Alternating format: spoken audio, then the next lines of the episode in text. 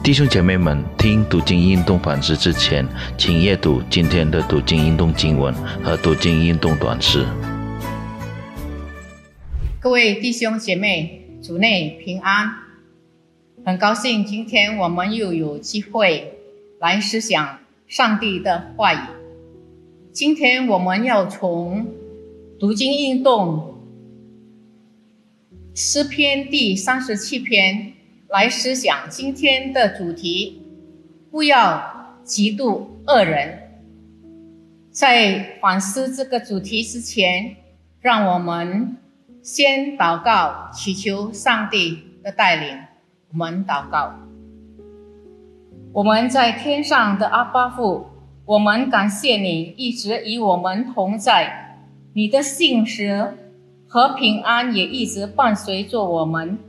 我们因此要来学习你的话语，求你赐给我们智慧，好让我们能明白你话语里的真理，且能时刻谨记在心里，以你的话语和信实为我们的日粮。奉主耶稣基督的圣名，我们祈求和祷告，阿门。诗篇第三十七篇是诗篇，是关于一人和恶人的结局。诗人通过这诗篇关注对令人不安和不平的现实。在现实生活中，我们常看到恶人以邪恶不择手段的。方法获取的成功，而一人则生活在痛苦与挣扎。当看到坏人很成功，并且过得特别舒适时，我们是否被这样的事困扰和心怀不平呢？或是依然能保持冷静？不受迷惑，想像他们一样，对这种看似不公平的生活情况，诗人大卫挑战一人，仍然要相信上帝，我们的主。大卫在这诗篇里也提示了我们几种要点。使我们能冷静，不受迷惑和愤怒。大卫告诉我们：我们要第一，我们要相信上帝是值得我们信赖和依靠的。他也告诉我们，不要为作恶的心怀不平，也不要像那。行不义的深处嫉妒，因为他们如草，快被割，快被割下，又如青菜，快要枯干。你当依靠耶和华而行善，住在地上，以他的信实为粮，又要以耶和华为乐。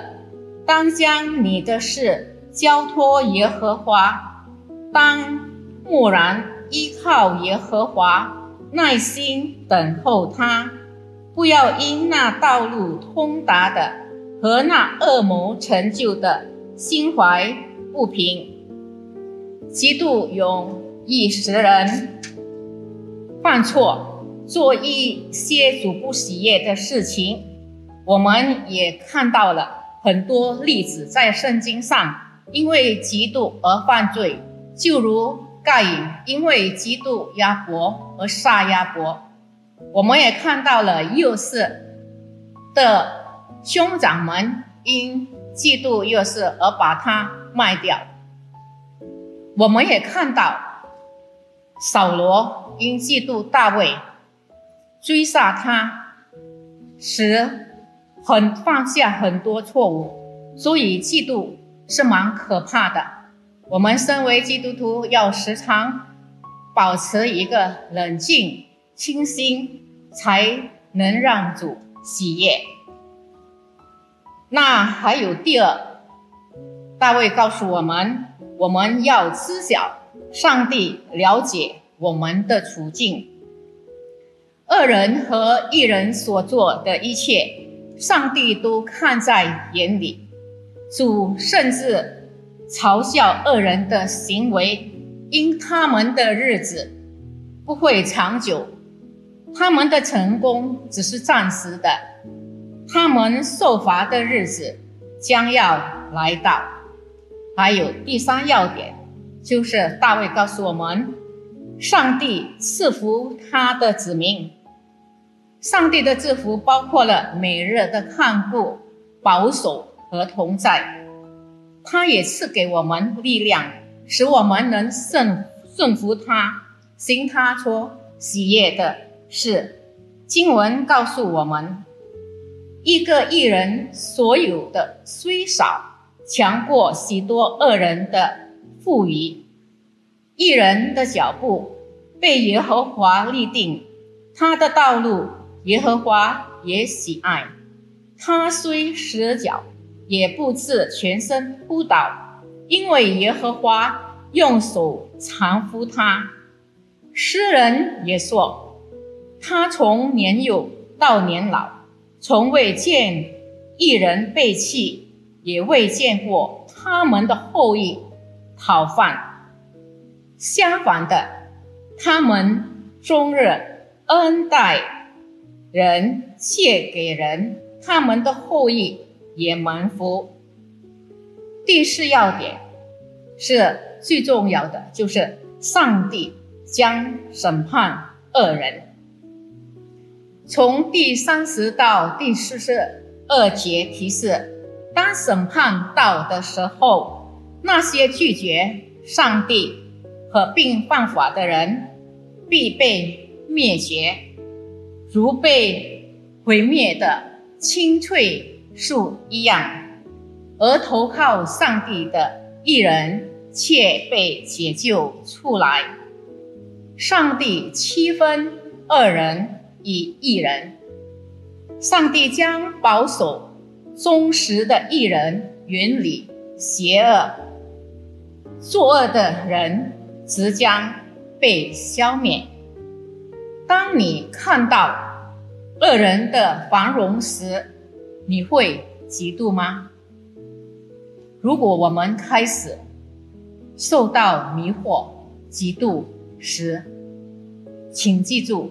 四首诗关于恶人和异人的结局，那我们就会心里觉得更踏实一点，因为我们知道恶人一定会被消灭的，而异人则被蒙福。我们要时常仰望主耶稣和圣灵的力量。来保守我们的心思意念，不断地行善，这样我们才可以过着蒙福的生活，也不会有嫉妒的心，因为我们知道他们二人所拥有的其实只是暂时，不是永远的。但是我们所拥有的是主的平安，时常在我们里面。所以，我们当看到人。很多就是觉得不平，为什么他们那么成功，我们诚实的人反而要很生活在挣扎中？但是要记住，最终只有一人受蒙福，而且一人的子孙，他的后裔也被赐福。让我们低头来祷告。主，我们感谢你，因你的信实永远长存，你从不撇弃行你庇佑的人。主啊，求你赐给我们力量，好让我们不被恶人的繁荣所迷惑而跌倒。也求你大能的手一直搀扶着我们，走在你的道路上。活在你的正义里，让我们把一切事都交到你手里，永远依靠你，因为你是全能和公义的上帝，一切荣耀赞美都归于你。请聆听我们的祷告，是奉主耶稣基督的名祈求，阿门。愿上帝祝福我们，再见。